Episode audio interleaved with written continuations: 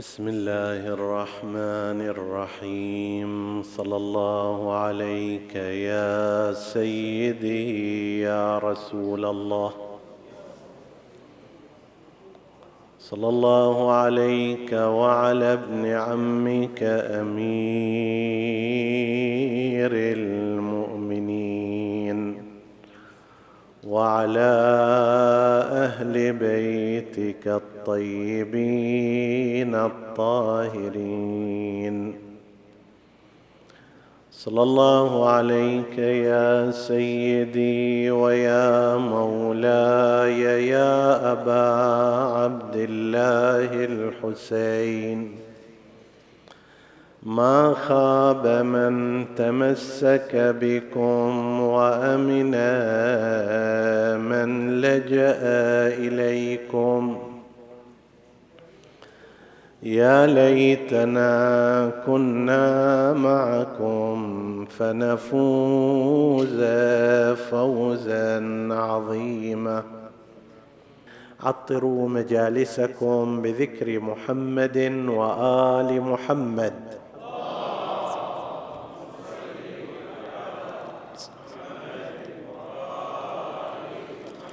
اللهم صل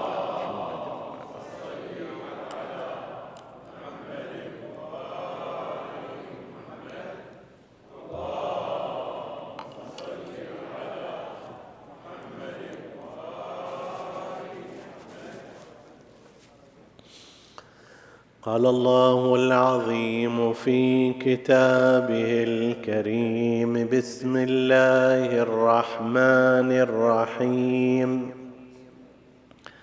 ما أصاب من مصيبة في الأرض ولا في أنفسكم إلا في كتاب من قبل أن نبرأها إن ذلك على الله يسير.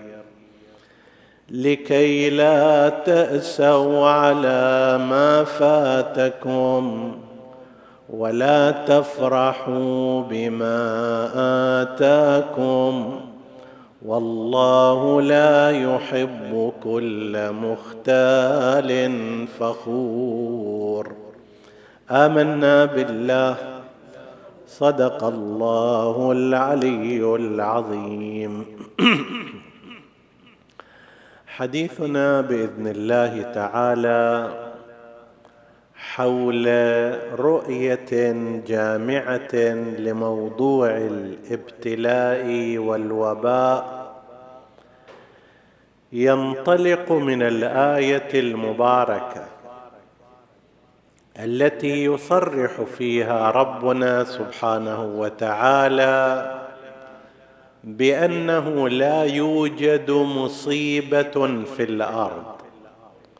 ولا في النفوس إلا وهي محسوبة قبل ذلك ومقدرة ومقررة قبل أن تخلق. وإذا تعاظم الإنسان هذا الشيء الله سبحانه وتعالى يقول إن ذلك على الله يسير. الأمر فعلا مرعب ومهول. ماكو أي مصيبة مصيبة سواء بالمعنى اللغوي يعني ما يصيب الإنسان أي شيء يصيب الإنسان.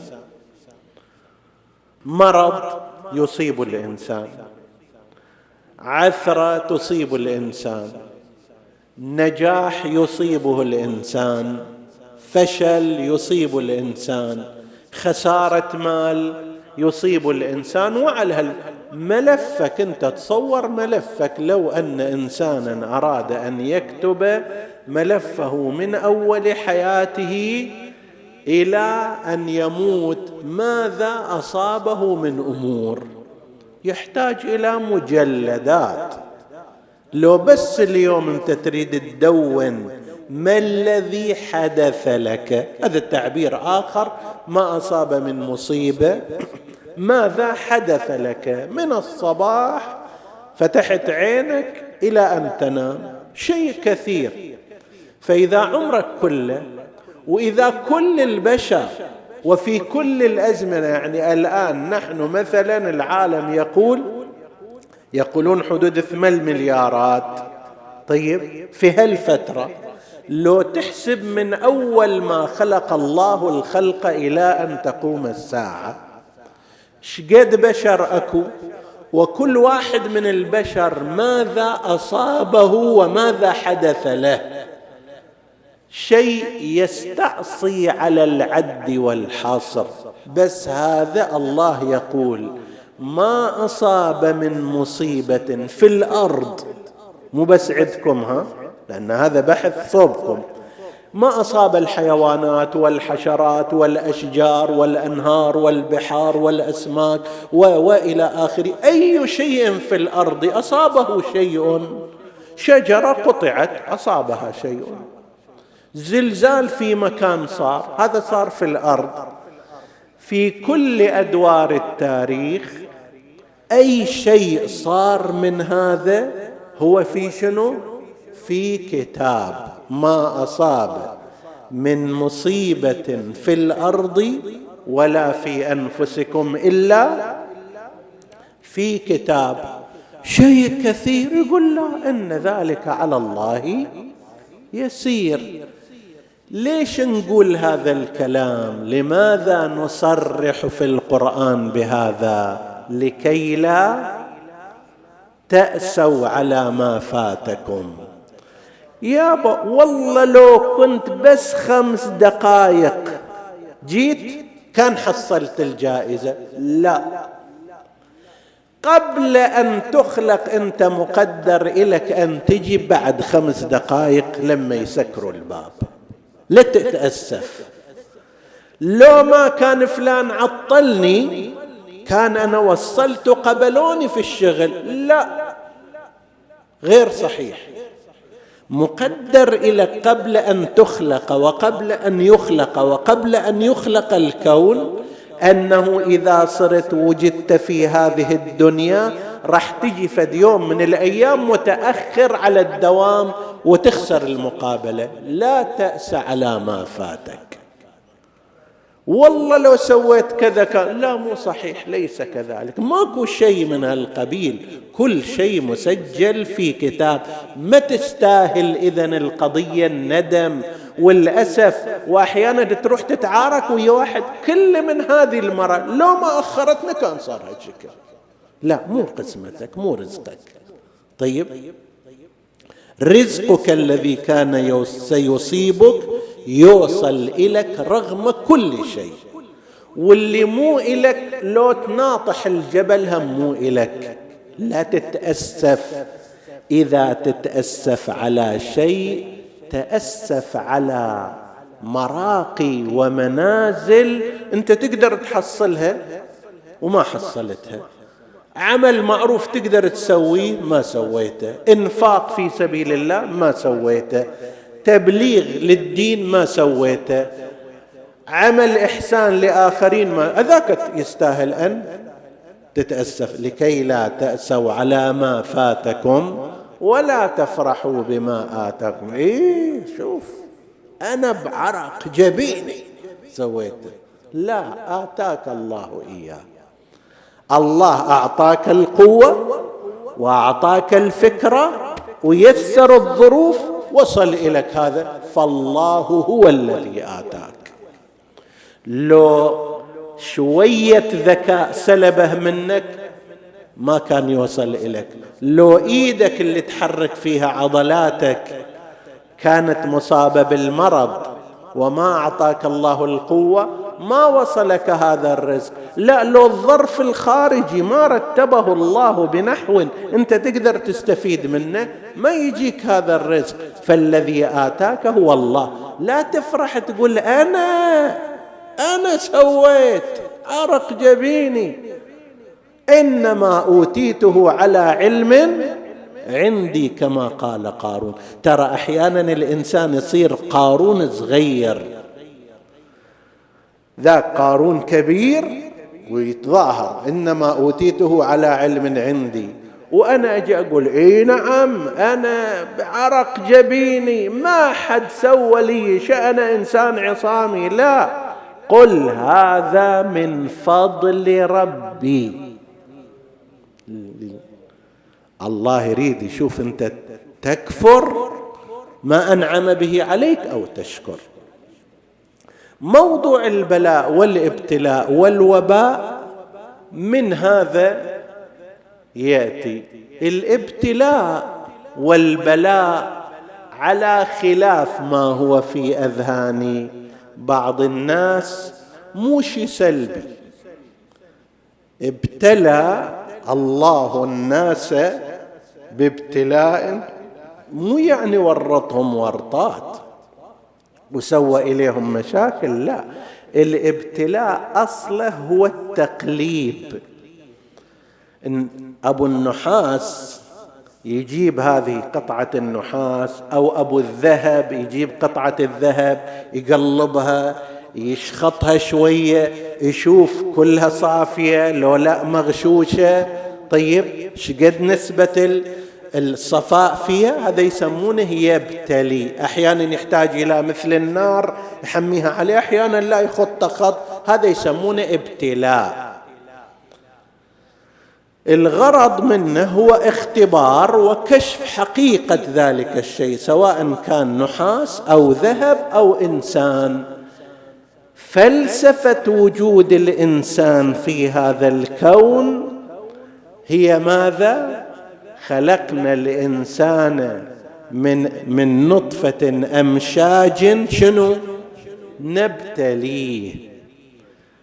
نقلبه نختبره مو لأجل أن الله يعلم بحقيقته لأن الله سبحانه وتعالى كما قلنا يعلم بما سيجري عليه وما يخطط وما يصنع ونحن أقرب إليه من حبل وريد.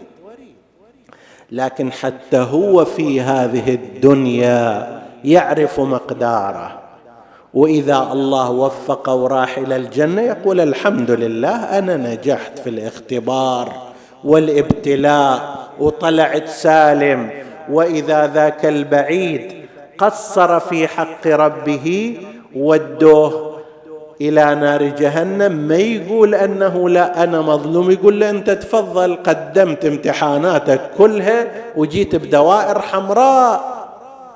في المال فشلت في الجنس فشلت في العبادة فشلت في سائر الأمور فشلت. شنو بعد عندك؟ شنو تطلبنا؟ فالابتلاء هذا أصله وهذا جوهر. الابتلاء بناء على هذا ليس فقط في الأمور السلبية. يعني مو مثلا يبتلي الإنسان بالشر لا. ونبلوكم بالخير والشر فتنة. فتنة أيضا نفس المعنى من الابتلاء. إذا حم النار على النحاس أو على الذهب يقال فتنها فتن القطعة الذهبية. هذا الإنسان يبتلى بالخير ويبتلى بالشر. وترى بعض الناس في امتحان الخير قد يسقط بينما في امتحان السوء قد ينجح. في المرض ممكن يصبر ولكن إذا صار عنده أموال يشح بها. هذا في امتحان المرض نجح ولكن في امتحان الخير الظاهري فشل. فإذا قضية الابتلاء اولا ليس مفهوما سلبيا بمعنى مصيبة ومشاكل. ولذلك أحيانا يوصف بالبلاء العظيم واحيانا يوصف بمجرد البلاء لأنه من الممكن أن يكون خفيفا ومن الممكن أن يكون صعبا. نبلوكم بالخير والشر فتنة. من الممكن أن يكون في الأمور الإيجابية ومن الممكن أن يكون في الأمور السلبية. والمراد من هذا هو أن الإنسان ماذا ينتج بعد ذلك؟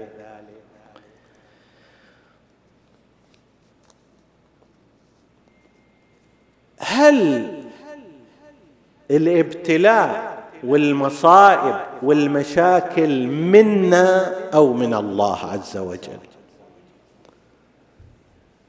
في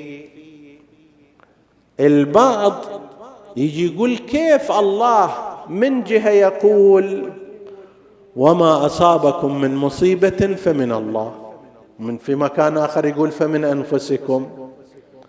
من جهة يقول فبإذن الله من جهة أخرى يقول فبما كسبت أيديكم. ما فهمنا من صوب الله هذا لو من صوبنا إحنا. الجواب على ذلك في النظام العام للكون لا شيء يجري إلا بإذن الله. ماكو شيء ماكو حركة في الكون تحصل إلا بإذن الله بأمر الله بعلم الله تحت نظر الله عز وجل.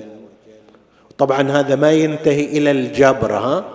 لكن عندما نتحدث عن المباشر ذاك يصير فبما كسبت أيديكم بل ويعفو عن كثير.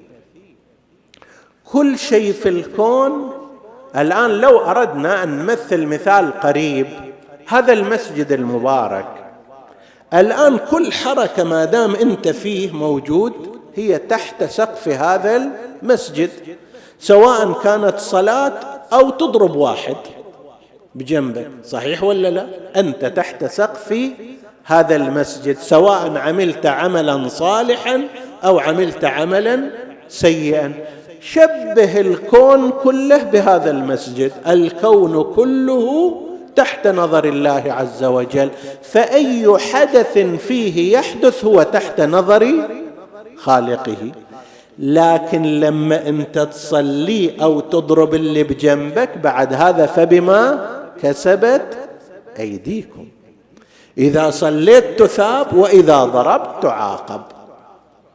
كذلك بالنسبة إلى موضوع البلاء والابتلاء هو من هذا القبيل. لا شيء في الكون يجري إلا تحت هذا السقف من العلم الإلهي.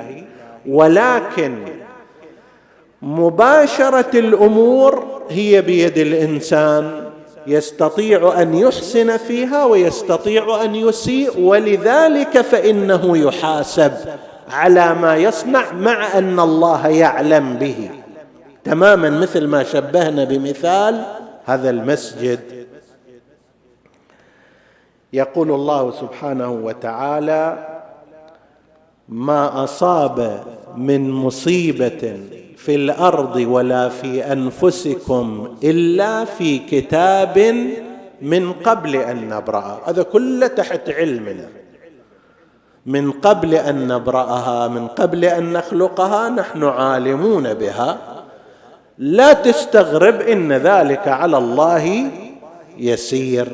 لكن لما نجي إلى قضية المباشر والمسؤولية عن ذلك لا تقول ما دام الله يدري عن الموضوع اذا أنا ما مسؤول. لا يقول الله سبحانه وتعالى وما أصابك من سيئة فمن نفسك. كان بإمكانك أن تختار طريق الصواب فلا تحصل على السيئة. اخترت طريق السيئة فحصلت على تلك النتيجة. وفي آية أخرى وما أصابكم من مصيبة فبما كسبت أيديكم ويعفو عن كثير. لو أن الله سبحانه وتعالى أراد أن يعاقب البشر بالنتائج العادية لأعمالهم كل شغلة تسويها إليها نتيجة وأثر. لو أن الله أراد أن يحسبها حساب رياضي تسويها العمل ينتج ذاك يحصل إليك. ذاك يسوي البشر كلهم يسوون أعمال اذا تنتج نتائج. لو أن الله أراد أن يصنع ذلك في البشر لكان الأمر صعبا جدا ولكن يعفو عن كثير. من يرتب الآثار خصوصا في هذه الدنيا؟ نعم يحتاج البشر إلى إيقاظ حتى لا يتمادى. الآن هذا الوباء الذي عم العالم هذا نوع من أنواع البلاء اللي بما كسبت أيديكم واللي فيه أيضا ويعفو عن كثير وهو بعلم الله عز وجل. هذا ينطبق عليه ما أصاب من مصيبة في الأرض. الله يعلم بذلك ومحسوب في كتاب من قبل أن نبرأها من قبل أن نخلق لا الأرض ولا المصيبة. الله يعلم بأنه في تاريخ كذا 11 2019 بحسب التقويم الميلادي سيحصل هناك بلاء ينطلق من ذلك المكان. هذا العلم موجود. من وين هذا؟ بما كسبت أيديكم. بما كسبت أيديكم يعني يا أيها البشر ترى تعدي حدود الله سبحانه وتعالى مو بس آثاره في يوم القيامة آثاره في هذه الدنيا أيضا تترتب. أنت جاي يا أيها الإنسان الله قال لك هناك أشياء محلل أكل. هناك أشياء محرمة لا تأكل. بهذه الطريقة تنعم بتلك الطريقة لا تتنعم. هذا الإنسان الغافل هذا الإنسان الأحمق الذي لا يدرك مصلحة نفسه ولا يسمع لمن يعرف مصلحة نفسه. من أنبياء الله ورسله يقوم يأخذ إلى كل ما في الطبيعة من أشياء يتعامل معها بطريقته هو. الآن أكثر النظريات الشائعة الموجودة في هذا الزمان عن بداية الوباء هو ذلك السوق الصيني المعروف واللي لا يوجد شيء يدب أو يدرج أو يزحف على الأرض أو يطير في الهواء أو يسبح في البحر إلا وأخذوه وأكلوه. أي شيء أي شيء تتصور. طيب يابا هذه ليست مناسبة لبدن الإنسان. ليس صالحا لجسم الإنسان لروح الإنسان. هذا تخريب للطبيعة هذا فساد في الكون. ما هكذا تورد يا سعد الإبل؟ لا الإنسان يمشي في هذا ويروح وراء زين هذا إلى نتائج. نتائجه أن فد فيروس من أصغر ما خلق الله سبحانه وتعالى يبدأ يفتك في هذا الإنسان وينتقل بشكل عجيب وغريب في هذا الكون. عنان فبما كسبت أيديكم. ما دام ما سويتوا هذا هذا الشغل السيء ما صار هناك نتيجة إليه في الحديث عندنا عن الإمام الرضا عليه السلام الليلة إحنا ما صلينا على محمد وآل محمد؟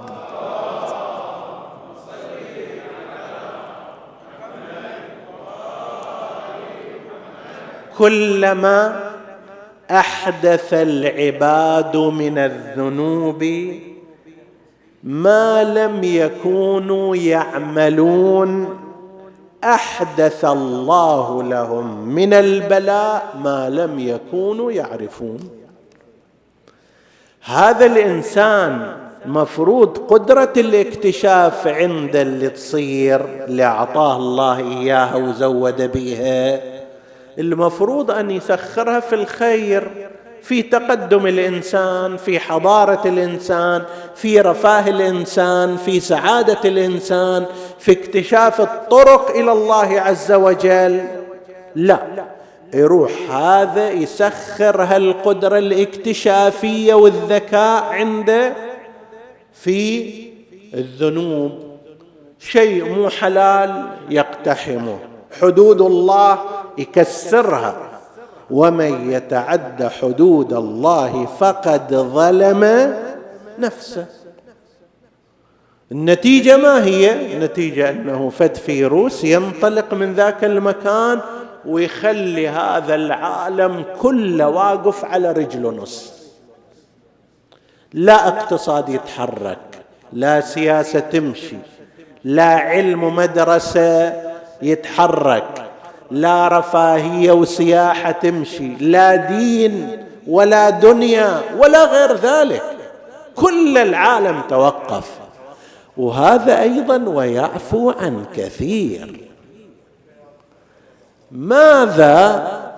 ماذا لو أن الله سبحانه وتعالى جعل في هذا الفيروس قدره على الانتقال في الهواء بلا حدود. الآن اللي يتحدثون يقولوا هذا بمقدار متر ونص عندما يعطس المصاب أو ما شابه ذلك ينتقل بهالمقدار. لكن أكثر من هذا ما يصير. زين لو لا مو كان متر ونص لو كان يصير عنده قدرة سريان في الهواء معلق وينتقل من مكان إلى مكان. ذاك الوقت شو يسوي إلى البشر؟ ذاك الوقت لا يفيد فيك احتياطات خمسين نفر ولا عشرين نفر ولا نفر واحد. في بيتك يأتيك مع الهواء يأتيك مع النفس الذي تتنفسه يأتيك.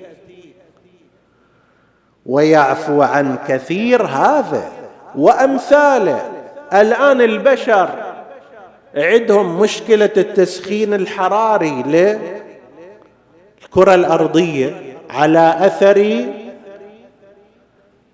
كثرة المصانع وعدم مراعاة النسب. هذا الغلاف الجوي تهتك.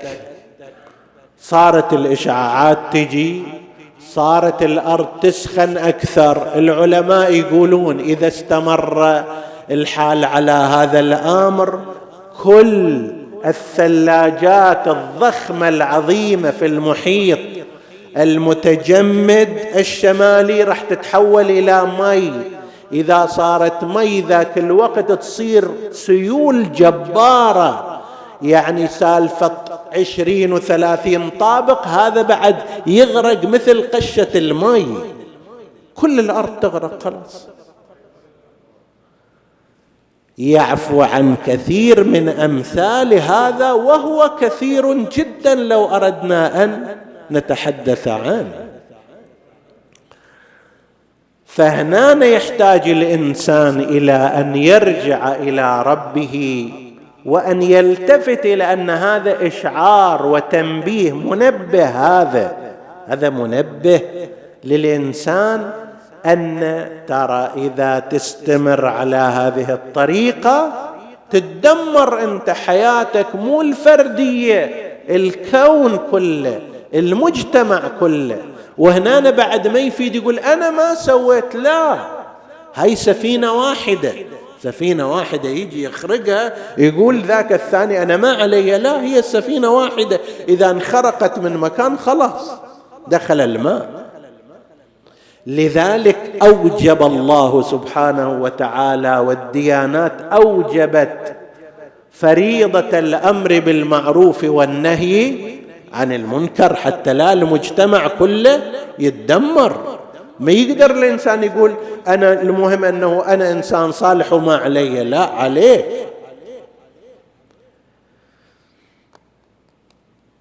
شنو يحقق هذا البلاء؟ والابتلاء. ترى في فوائد البلاء والابتلاء مو كله شر ظاهري ها؟ في بعض الفوائد ولعل ابتلاء الله الناس بهذه البلاءات وأمثالها الغرض منها هذه الفوائد المتحققة.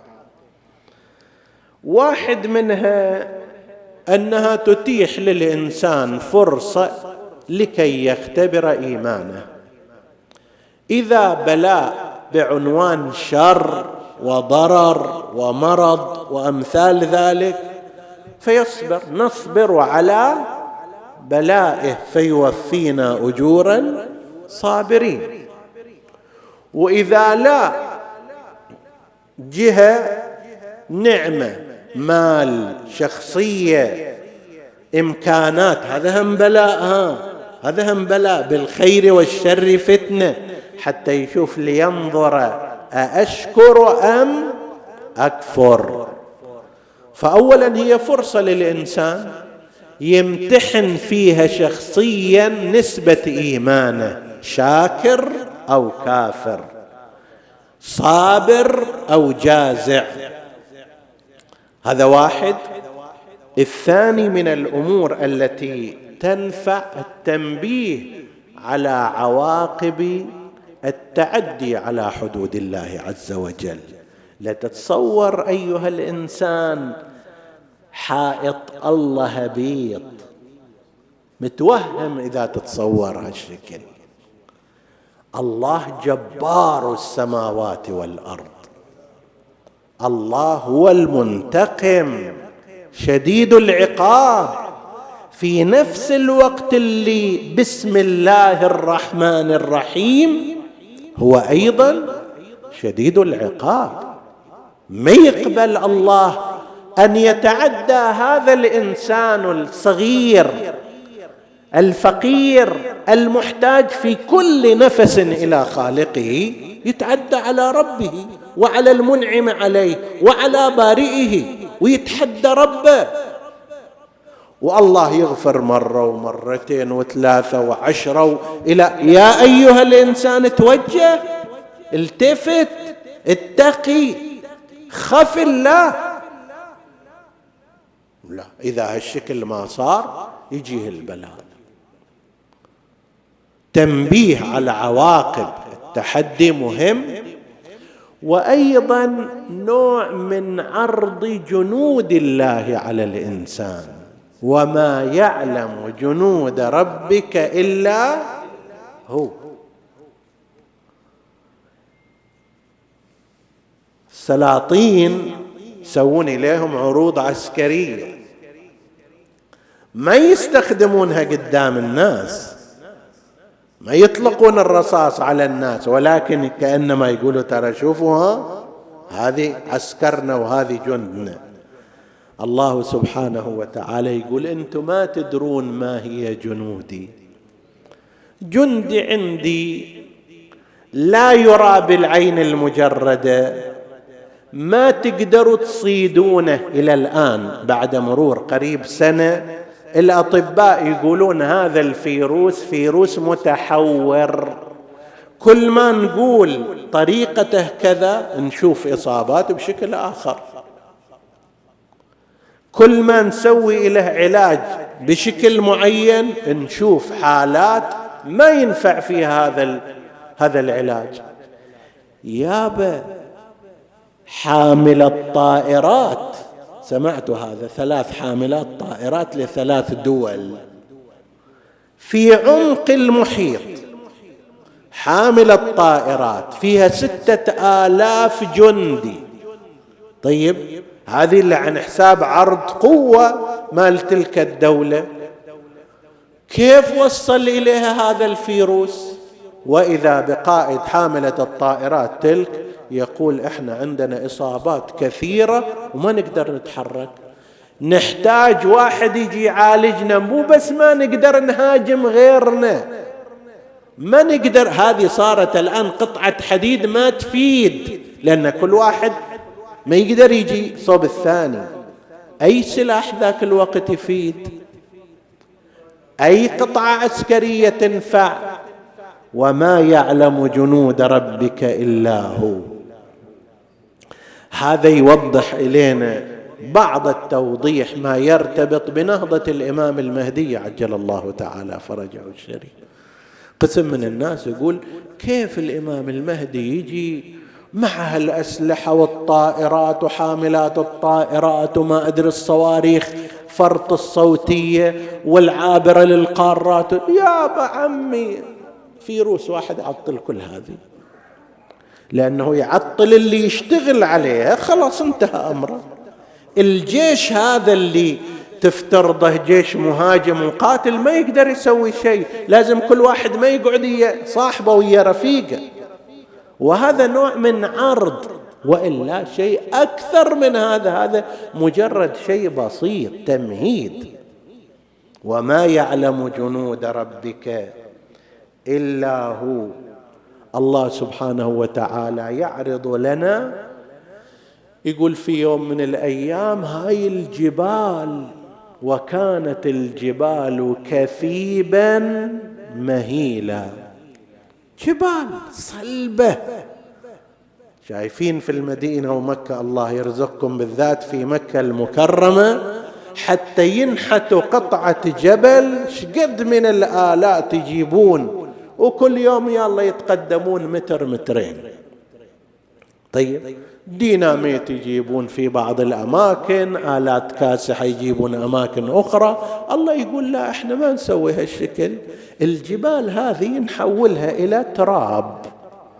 وتراب الكثيب المهيل يعني الريح اللي تزيحه شايفين في الصحراء لما تمر الريح وتشيل هذا كومة من التراب تزيحه من مكان إلى مكان الريح بس.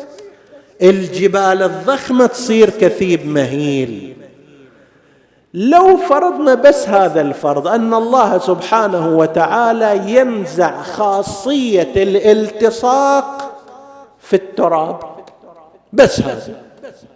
تصور أن بناية اللي قائمة على أساس اسمنت وتراب بس الله يشيل خاصية الالتصاق تصير حبة التراب ما تلتصق ويا الثانية شو يصير؟ خلاص كثيبا مهيل تحول.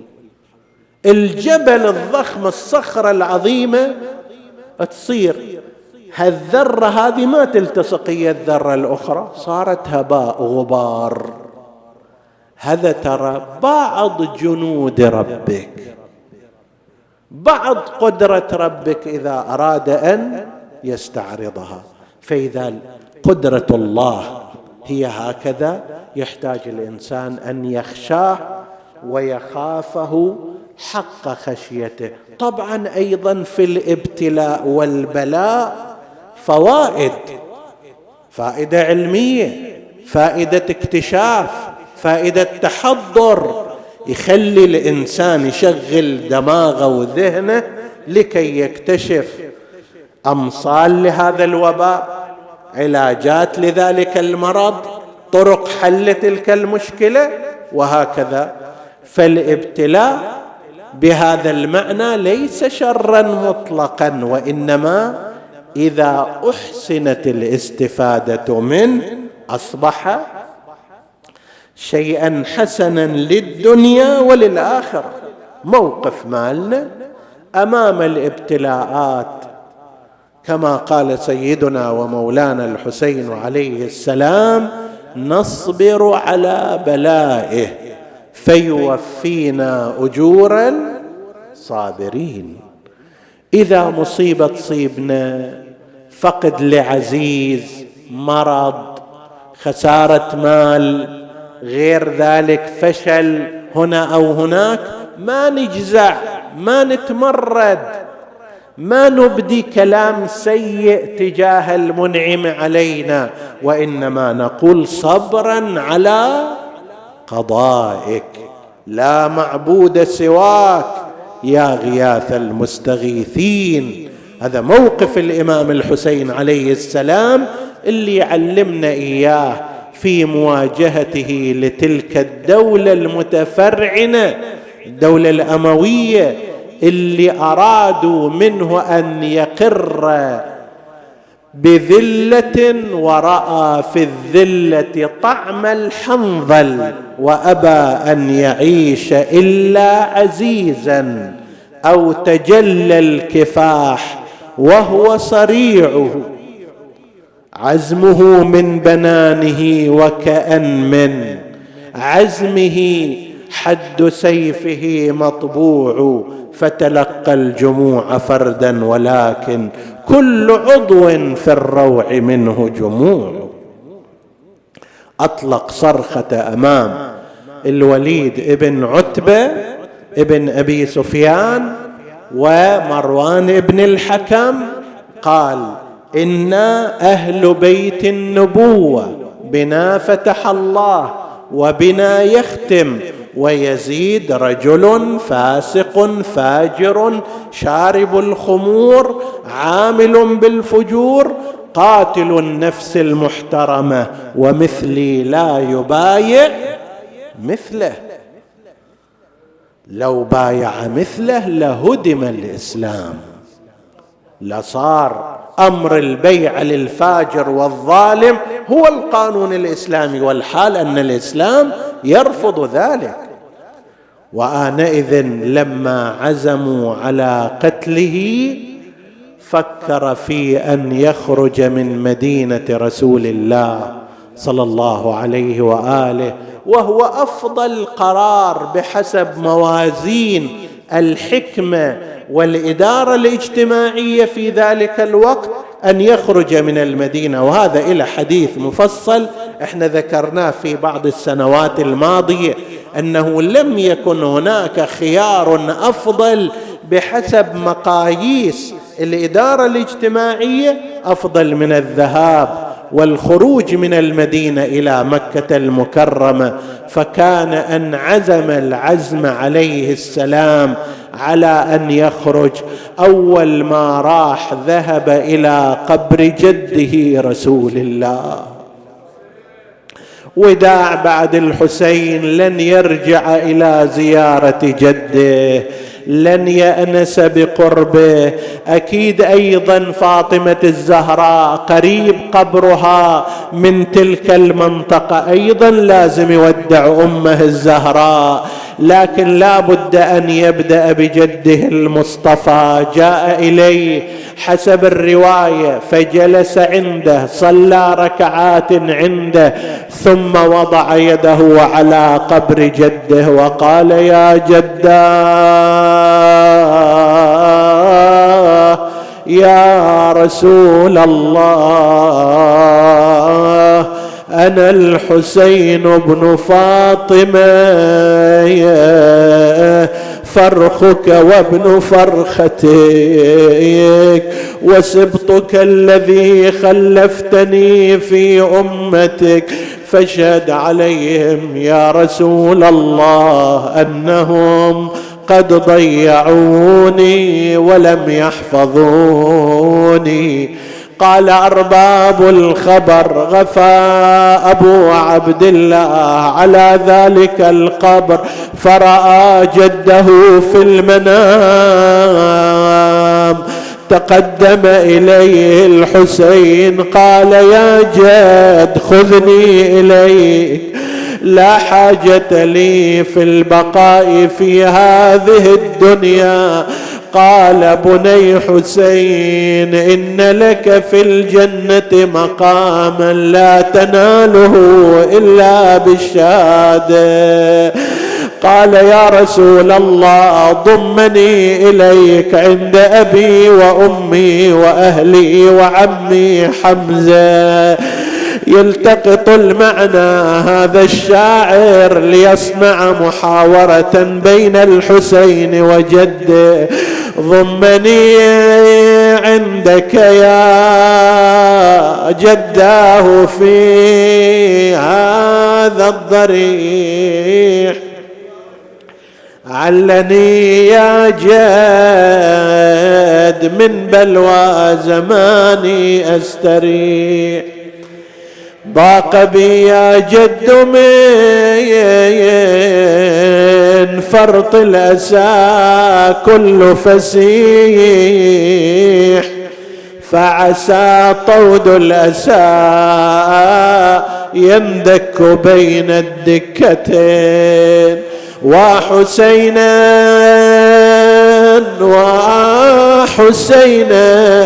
وحسينا وحسينا و كأني بفاطمة عندها أيضا تنادي وولداه وحسينا. أما النبي فقد أجابه بلسان الحال. ستذوق الموت ظلما ضاميا في كربلاء. وستبقى في ثراها ثاويا منجدلا وكأني بلئيم الأصل وحسينا وكأني بلئيم الأصل شمر قد علا صدرك الطاهر بالسيف يحز الودجين وحسينا وحسينا وحسينا وحسين وكأني بلئيم الأصل شمرين قد علا صدرك الطاهر بالسيف يحز الودجين وحسينا وحسينا وحسينا وكأني بالأيام من نسائي تستغيث صغبايا تستعطف القوم وقد عز المغيث. نادت زينب وجداه يا محمدا هذا حسينك بالعراء وكأني بالأيام من نسائي تستغيث. سغبا تستعطف القوم وقد عز المغيث قد مرى أجسادهن الضرب والسير الحثيث بينها السجاد. في الأصفاد مغلول اليدين وحسينا وحسينا وحسينا و خرج الحسين من المدينة خائفا كخروج موسى خائفا يتكتم يا الله اغفر لنا ذنوبنا كفر عنا سيئاتنا. آمنا في أوطاننا لا تسلط علينا من لا يخافك ولا يرحمنا. ولا تفرق بيننا وبين محمد وآله طرفة عين. فض اللهم إخواني الحاضرين فردا فردا واقض حوائجهم. اشف اللهم مرضاهم لا سيما المرضى المنظورين. اللهم اشفهم بشفائك داوهم بدوائك عافهم من بلائك. وتقبل اللهم عمل المؤسسين بأحسن القبول إلى أرواح موتاهم وموتى السامعين. نهدي ثواب الفاتحة تسبقها الصلوات.